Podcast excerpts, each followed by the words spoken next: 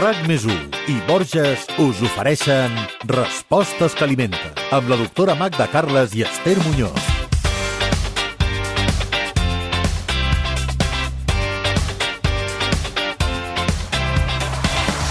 Tot i que tothom sap que les fruites són aliments saludables, ni algunes, com el plàtan, que tenen mala fama perquè, segons diuen, engreixen. Moltíssimes persones no mengen plàtan perquè controlen l'energia de la seva dieta. Ara bé, què hi ha de veritat en tot això? És millor no incloure el plàtan al cistell d'anar a comprar quan hi ha quilos de més? Quina quantitat de plàtans es pot menjar sense problemes? Aquestes i altres preguntes tindran resposta en el podcast que avui dediquem al plàtan.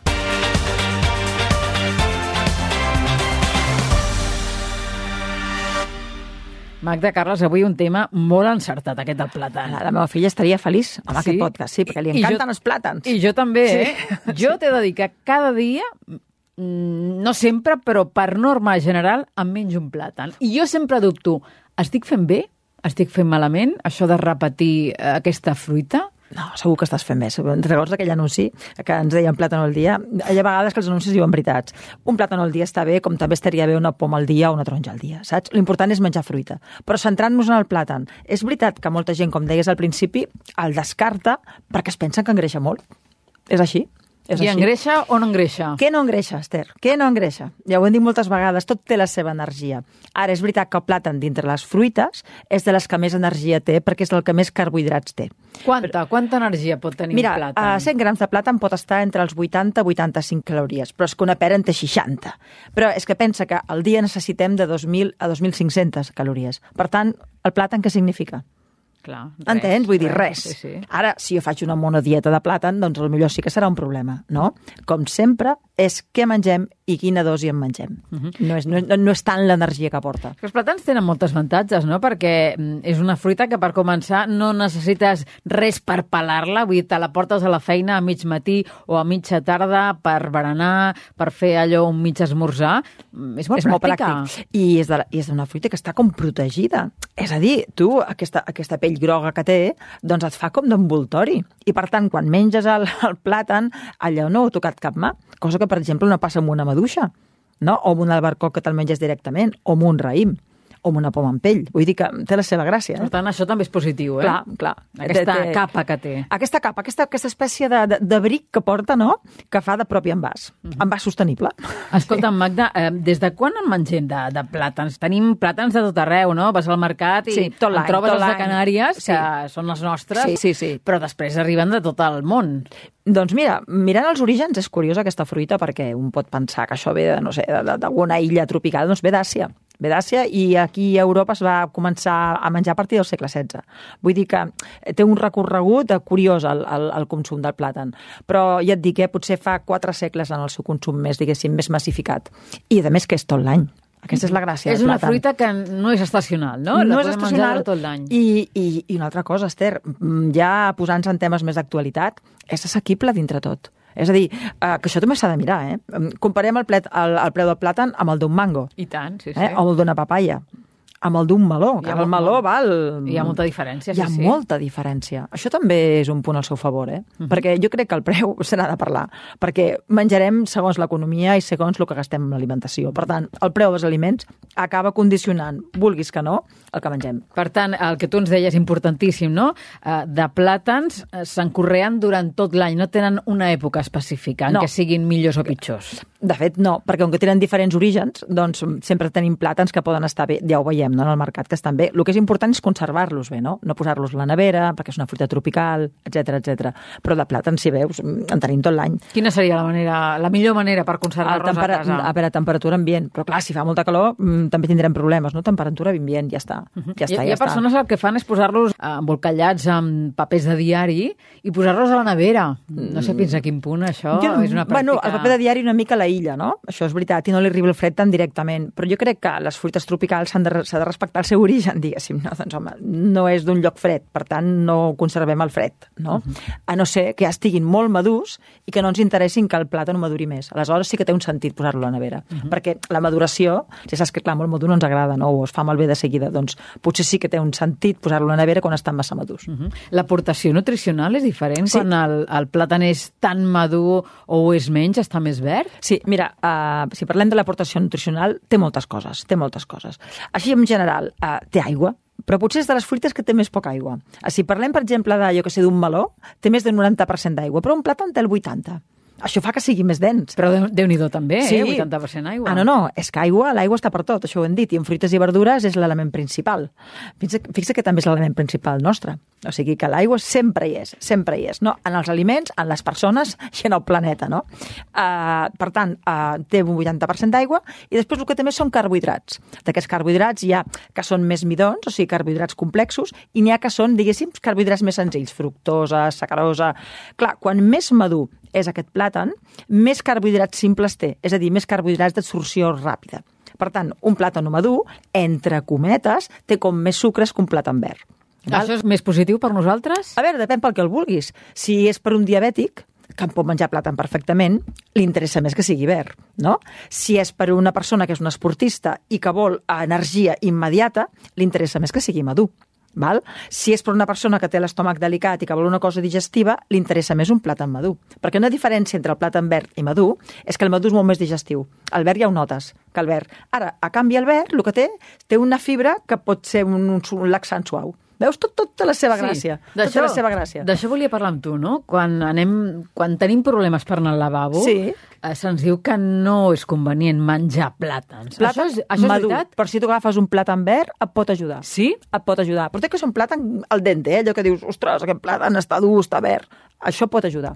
Això doncs pot... Mira, això Perquè té uns tipus de fibra eh? complexa que, que té com 3 grams de fibra al plàtan, eh? vull dir que, que, és, que, és, que és interessant. No, no, és un aliment que té molta gràcia, per això sap greu, per això li dediquem aquest podcast, perquè per què eliminar-lo per un tema d'energia? No estem parlant d'un pastís de xocolata, estem parlant d'una fruita, uh -huh. que sí, que és veritat, que té més que una maduixa que un, o que un ger, però realment estem parlant de 85 calories als 100 grams. M'entens? És poquíssim en comparació a les 1.800 a 2.500 que necessita una persona normal. Mm -hmm. Per tant, què representa això al dia? No? Res, res. Res, per això. Potser sí que mm, estaria bé ubicar-ho en certs moments del dia. No sé fins a quin punt, quan tu has fet un àpat molt complet, primer, segon, et convé unes postres que siguin plàtan, o al revés, per anar a dormir, no? Després del sopar, menjar un plàtan i ubicar-lo, per exemple, doncs el que ja dèiem al principi, no? A l'hora d'esmorzar, a mig matí, o a l'hora de berenar. Tu com ho Mira, veus, això? jo, mm, un plàtan madur, per exemple, un plàtan que estigui al seu punt és l'esmorzar ideal per un nen. És l'esmorzar ideal per sortir a la jornada que tenim, per agafar el bus, per anar de pressa, per caminar. És la jornada ideal abans d'anar al gimnàs. Que dius, ostres, quina mandra anar al gimnàs, però necessito una mica de, de, de combustible, no? Doncs el plàtan em pot ajudar ideal. Ara, el plàtan té també coses amagades. Per exemple? Com que entre els seus nutrients doncs, té vitamina B6, i té magnesi, doncs això doncs, que són els precursors de la formació de serotonina, que és aquest neurotransmissor que té molt, molt a veure amb l'estat d'ànim, amb la pau interior, etc etc. Bueno, doncs, quan un menja un petit plàtan perquè, mm, al seu punt a l'hora de sopar, el pot ajudar a estar més relaxat. A dormir millor? A dormir millor. A descansar. O sigui que, saps, tot té el seu eh? tot té el seu. Per això et dic que és un aliment tan interessant, quina pena eliminar-lo d'entrada. Com es fa amb altres aliments, eh? Aquí volem una mica fer justícia. Sí, perquè i... tenen una etiqueta Exacte. posada, col·locada, i Exacte. és difícil treure-la. I avui Aquí el que estem intentant és això, treure Exacte. aquesta etiqueta, Exacte. no? Exacte. De que el plàtan engreixa. Uh, sí que ens estàs explicant que és una de les fruites que més energia ens proporciona, no? Sí. Ens estàs dient també que um, té vitamines, com per exemple aquesta vitamina 6, aquesta B6, que ens aporta serotonina. D'altres vitamines, Magda? Sí, en té vitamina C. És veritat que no com una taronja, com una llimona, com un kiwi, però té la seva dosi també de, de, de, de vitamina C, que és interessant, i les de complexa B, sobretot, especialment la B6. Vull dir que ja té el seu interès. També té una mica de provitamina A, però, vaja, jo que destacaria més del plàtan, sobretot, és eh, a part de la fibra i aquest, i, aquest, i aquest poder energètic, el seu contingut en magnesi, potasi. Per què, Home, perquè són dos minerals molt interessants. El potasi és un dels minerals, diguéssim, intracel·lulars més importants del nostre organisme. Però és que s'ha vist que, mm, una, que prendre una dosi de potasi suficient és un bon preventiu de la malaltia cardiovascular. Per tant, una persona que té hipertensió li convé un plàtan. Eh, és allò que dèiem, no? Aquestes coses que s'han de saber. És indicat. Un plàtan té molt potasi, doncs, per tant, ens, ens, a veure, totes les fruites tenen potasi, eh? Però, la el plàtan especialment. Més, encara. Magnesi. Magnesi ens interessa a tots, per la salut dels ossos, per la, per la fisiologia muscular, cardíaca, inclús per, pel cansament està relacionat al magnesi, per l'estat d'ànim. Doncs el plàtan també té molt magnesi. De fet, el magnesi, repetim, també està tot el món vegetal, també hi és, però el plàtan té una dosi considerable de magnesi. Per això et dic que, home, que és una fruita que vas mirant i dius, ostres, doncs té la seva gràcia, no? Clar, està bé. Magda, a les escoles, al pati, a mig matí o a la tarda, a, a l'hora de, de la sortida de, de l'escola, doncs veiem molts plàtans. Sí, Donem sí, plàtan sí. als nens. Fem bé? Sí, sí, sí fem bé. Home, junt amb altres fruites. Jo no, no, no vull dir que s'hagi de ser el, el monoplàtan, saps què vull dir? No, però està bé com a opció. Està bé com a opció. Per tot el que hem dit fins ara i perquè té un gust dolcet que agrada als nens. I perquè és una fruita que sol donar pocs problemes al·lèrgics. Això també és veritat. I és fàcil de menjar. Eh, Pensem en els nens petits. No té un pinyol a dintre. No té una pela que sigui complicada. I el que dèiem abans, la part de dintre no, no, no, s'ha de manipular abans, de forma que tu peles el plàtan i et surt la, la fruita, diguéssim, que no l'ha tocat ningú, que tu te la menges directament. Això és molt avantatge des del punt de vista microbiològic. Uh -huh. Clar. Per norma general, eh, a les criatures els agrada el plàtan. És de les primeres fruites que es donen. Es fan aquelles papilles de galeta i, I tant, plàtan. sí, sí. Per lo que deia, perquè és dolcet, perquè porta energia, perquè és digestiu, té, un, té molta gràcia. això. Les farinetes, les clar, farinetes. Clar, clar. És, és, és una fruita, clar, tu un nen no li dones una llimona quan té, quan té un any, no? Perquè els nens l'oàcid i l'amarg ho rebutgen bastant. Per tant, el cítrics és més complicat de donar directament. Fixa que a vegades la taronja la posem en forma de suc a la papilla però no li donem una taronja fins que no és més endavant, no? En canvi, el plàtan de seguida, el plàtan xafat. Jo diria que és una de les primeres fruites. Sí, ho és, ho és. Segurament junt amb la poma, eh? Ho és, és sí, de, les, sí. de les primeres cosetes que es donen a un nen. Això i les compotes de poma, no? Mhm. Qui hauria d'evitar els plàtans?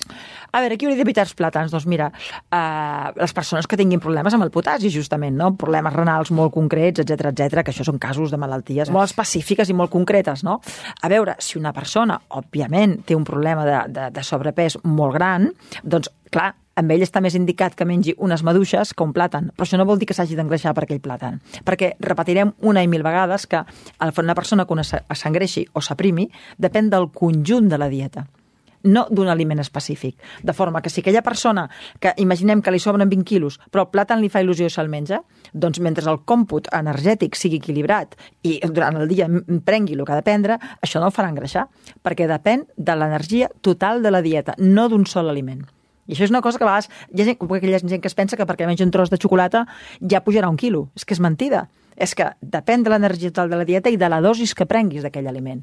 Dosi, energia total. Són dos conceptes que no tindríem que oblidar. Però sí que és veritat que tu sempre ens recomanes la varietat en aquesta És que és importantíssim, dieta, eh? perquè fixa't de les avantatges que hem anat parlant d'aquesta fruita. Però és que si agafem una altra, també sabrem dir coses bones d'aquella altra fruita. Per això és interessant l'alimentació variada, perquè no hi ha cap aliment perfecte ni cap aliment que tingui totes les virtuts. Inclús quan parlem d'aliments saludables, cada un té les seves peculiaritats i per tant val la pena que sigui variat perquè anem gaudint d'aquestes possibles avantatges que puguin tenir. Cosa que si fem una dieta molt monocolor, home, hi ha coses que no les, que no les gaudirem mai, no? Totalment, sí, sí. Magda, ens has parlat abans de- d'aquest efecte de serotonina Sí. que té el plàtan, per tant que a la nit doncs, el podem prendre sense problemes. Quins serien altres bons moments per menjar-ne de plàtan? Doncs mira, un plàtan és quan tenim ganes d'algú dolç, però que justament volem menjar en plan saludable, no tenim ja 20 anyets i tenim que cuidar-nos, no, doncs en vez de tirar-nos al brioix o a la magdalena o alguna cosa així com més... Desesperada, no? Desesperada, et tires el plàtan i et dona aquella dolçor. I és veritat, perquè a vegades volem algú dolç, a vegades volem algo energètic, no? Jo sempre dic que la combinació plàtan-cafè és explosiva, en el sentit de que una cosa et remunta i l'altra et dona energia, no? I a, a mig matí, doncs, ostres, en vez de agafar segons quina cosa... No, no és que em vulgui posar amb la brioixeria en contra, però vull dir, realment, a vegades agafem opcions que no són gens saludables. No, no, no, són les Opcions que- pitjors. són les pitjors, però són les que ens, ens criden més, no? Ultraprocessats. Clar, per què en un vending no hi trobem un plàtan? Estaria bé. Tens raó, sí, sí. Uh, també haig de dir que alguns bona vèndics tenen pomes, aquesta, eh? eh? Alguns vèndics tenen Sí, pomes, sí, eh? aquí en S'ha de tenim, dir, eh? aquí a la en dir, eh? tenim, S'ha de eh? dir. Però vull dir que són d'aquelles fruites pràctiques. Però mira, que, que, que és fàcil, tu. És fàcil. A més, cada dia s'ha de menjar les cinc racions de vegetals entre fruites i verdures. És una manera fàcil d'arribar a aquestes cinc racions, no? Mm. Eh, De quines altres maneres podem introduir a la nostra dieta el plàtan? Mira, el plàtan, si comencem a mirar una mica a Maroteca Culinària, perquè a vegades ens quedem amb aquesta idea tan, tan sosa de que el plàtan és un postre, és un berenar, però sempre el plàtan com a tal. Escolta'm, hi ha mil receptes. Es pot combinar. A veure, des de la clàssica que tots sabem que és la famosa rosa locubana amb aquell plàtan I fregit, que jo sempre dic... La que- boca, la boca. Sí, eh, Somrient. per cert, que, que aquell plàtan fregit pot, pot estar fet al forn, o sigui, pots fer-lo a la papillot. Un plàtan a la papillot és fantàstic. Només tens que posar-lo entre el paper d'alumini o d'anar al forn, una mica de suc de llimona, i ja està, i queda boníssim. Però per què només ha de ser amb la rosa a la cubana? Saps un plàtan pot ser la guarnició de moltes coses? Ens falta imaginació. O, Esther, ara estava pensant en una cosa que està molt bé, que són els xips de plàtan casolans. Tu agafes un plàtan i talles trossets molt primets, suc de llimona a sobre, poses al forn, diguéssim, gratinador i et queda un xip de plàtan. Mm. Sí, sí, n'he menjat. És, és, és una cosa que Molt és bon, fàcil, sí, però sí, no sí. hi caus en fer això, no hi caus. Però repeteixo, pot ser una guarnició per moltes coses. Tu pots posar un flam de plàtan per, per acompanyar una carn, per exemple. Uh Mhm. -huh. Perquè que no posem pollastre amb pinya. Eh? Que no posem pollastre amb patata, que és una cosa molt més sosa que no, que no el plàtan. Doncs, o un boniato, eh, que també ho fan servir a vegades. També, I sí, té aquest sí. gust dolç Sobretot i ens en queda aquesta bé, època, sí, perquè sí. ens agrada aquest contrast dol- dolç-salat, per què no posar plàtan, per exemple? Plàtan i boniato serien, diguéssim, unes alternatives a aliments molt més clàssics com la patata, que mai hi pensem. Per acompanyar. Per acompanyar, exactament, i per complementar. I en aquest espai que fem eh, durant tota aquesta temporada nou, que és el Caprici Saludable, d'aquests plats en plàtan que tu ara comentaves, algun que, que vulguis destacar o algun de nou que ens vulguis eh, recomanar? Mira, jo mm, recomanaria fer aquest, aquest eh, arròs de la cubana, però, pels, però per les persones que ja han passat dels 40. Per què tenim que renunciar a aquest plat de la nostra infantesa? Mai de la vida. Mai de la vida. de la vida. Va, Esther, et donaré un plat a la cubana, un arròs a la cubana per adults. Anoto, que m'encanta. Fes l'arròs mm, al dente, uh -huh. eh, que no estigui massa passat, perquè aleshores Sí. seria un desastre. Agafa un plat d'una una safata d'anar al forn. Safata d'anar al forn. Uh -huh. Poses l'arròs. Primer poses una mica d'oli a la safata, després poses l'arròs i deixes un forat al mig, mm? també una mica d'oli. I poses un ou, Ah, sí? un ou, i poses una mica de sal i una mica de pebre. D'acord? Val? I llavors poses tot de trossets de plàtan, així com... Talladets? Talladets, com si fos, com si fos que et diria, plàtan que prèviament el tindràs amb maceració amb llimona. Molt un bé, plat, molt bé. Perquè no es torni negre. Sobre l'arròs poses tot de trossets de plàtan, tot de trossos de plàtan, i ho poses tot a gratinar. Tot a gratinar. Deliciós. Veuràs quina... I si vols fer-ho encara una miqueta més, diguéssim, complicat, no? Pots posar-hi les espècies que vulguis. Vull dir que això pot... Tan, tan sofisticat com tu vulguis, no? Però l'arròs amb el plàtan i l'ou queda diví. Diví, diví, diví. I sobretot eh, pels mesos que venen, no? Més mesos Exacte. de fred, que és un plat Exacte. eh, contundent, amb però, energia. Però, escolta'm, però apte per qualsevol estómac, cosa que l'arròs locomànec tradicional no ho és. No ho és tant, No ho és, no ho és saps? I aquesta dolçor entre l'arròs, que òbviament és salat, però aquest, aquests, diguéssim, trossets de, de, de plàtan que són dolços, és molt especial. I que no cal posar un plat en sencer. dir, No, pots posar, pots posar la meitat, un tros. És, és, com per, és aquest contrast dolç-salat que fas plats tan interessants i que també són molt saciants, perquè hi ha una sensació, és sense com si hagués menjat molt dolç-salat, saps? És com un... El paladar es torna boig en aquest sentit, no? Mhm. I la teva sensació de sacietat és molt més gran. Doncs el faré, el faré i ja, ja A part t'explicaré. de les textures, no? Textura de l'ou, textura de l'arròs. Un dia parlarem de les textures. És Doncs, molt interessant. Sí, sí, ens ho anotem. Respostes que alimenten. Amb la doctora Magda Carles i Esther Muñoz.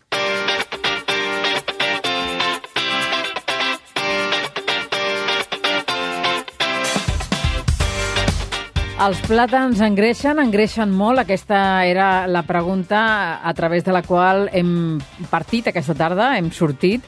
Ha estat el punt de sortida del nostre podcast d'avui, el número 74, i la resposta doncs, ens l'ha donat a l'inici ja la doctora Magda Carles. Eh, Els eh, plàtans no engreixen tant com ens No, pensem. és, eh? la fruita, és de les fruites, junt amb el raïm i la figa, és de les fruites més energètiques que hi ha, però no vol dir que t'hagi d'engreixar. Recordem sempre que ens engreixarem o no depenent de l'energia global de la dieta. Doncs ja ho sabeu, podeu menjar plàtans eh, a tota hora, de, a tota hora, vaja, eh? podeu menjar plàtans cada dia, que no hi ha cap mena de problema, eh? Tot dependrà de, de com feu la resta de la, de la vostra Exacte. dieta. I eh? com sigueu, quina edat tingueu, etc etc etc. El que diem sempre. I si podem menjar plàtan de Canàries, doncs encara millor. Home, molt millor. Si hem de proximitat, tot, tot i que és una proximitat bastant llunyana, eh? Sí, però no pensis, eh? Estem, ens tenim aquí, a, a la vora, eh? Sí, sí, sí senyora, sí. Doncs, Magda, ens trobem en 15 dies parlant d'un altre tema també força interessant. Eh, hi ha alguna dieta per combatre la flacidesa de la pell? Ah, un tema ideal per ara, eh? Ideal. Doncs, en 15 dies ens dones la resposta. Que vagi molt bé. Adéu-siau. Adéu. RAC més i Borges us han ofert Respostes que alimenten amb la doctora Magda Carles i Esther Muñoz.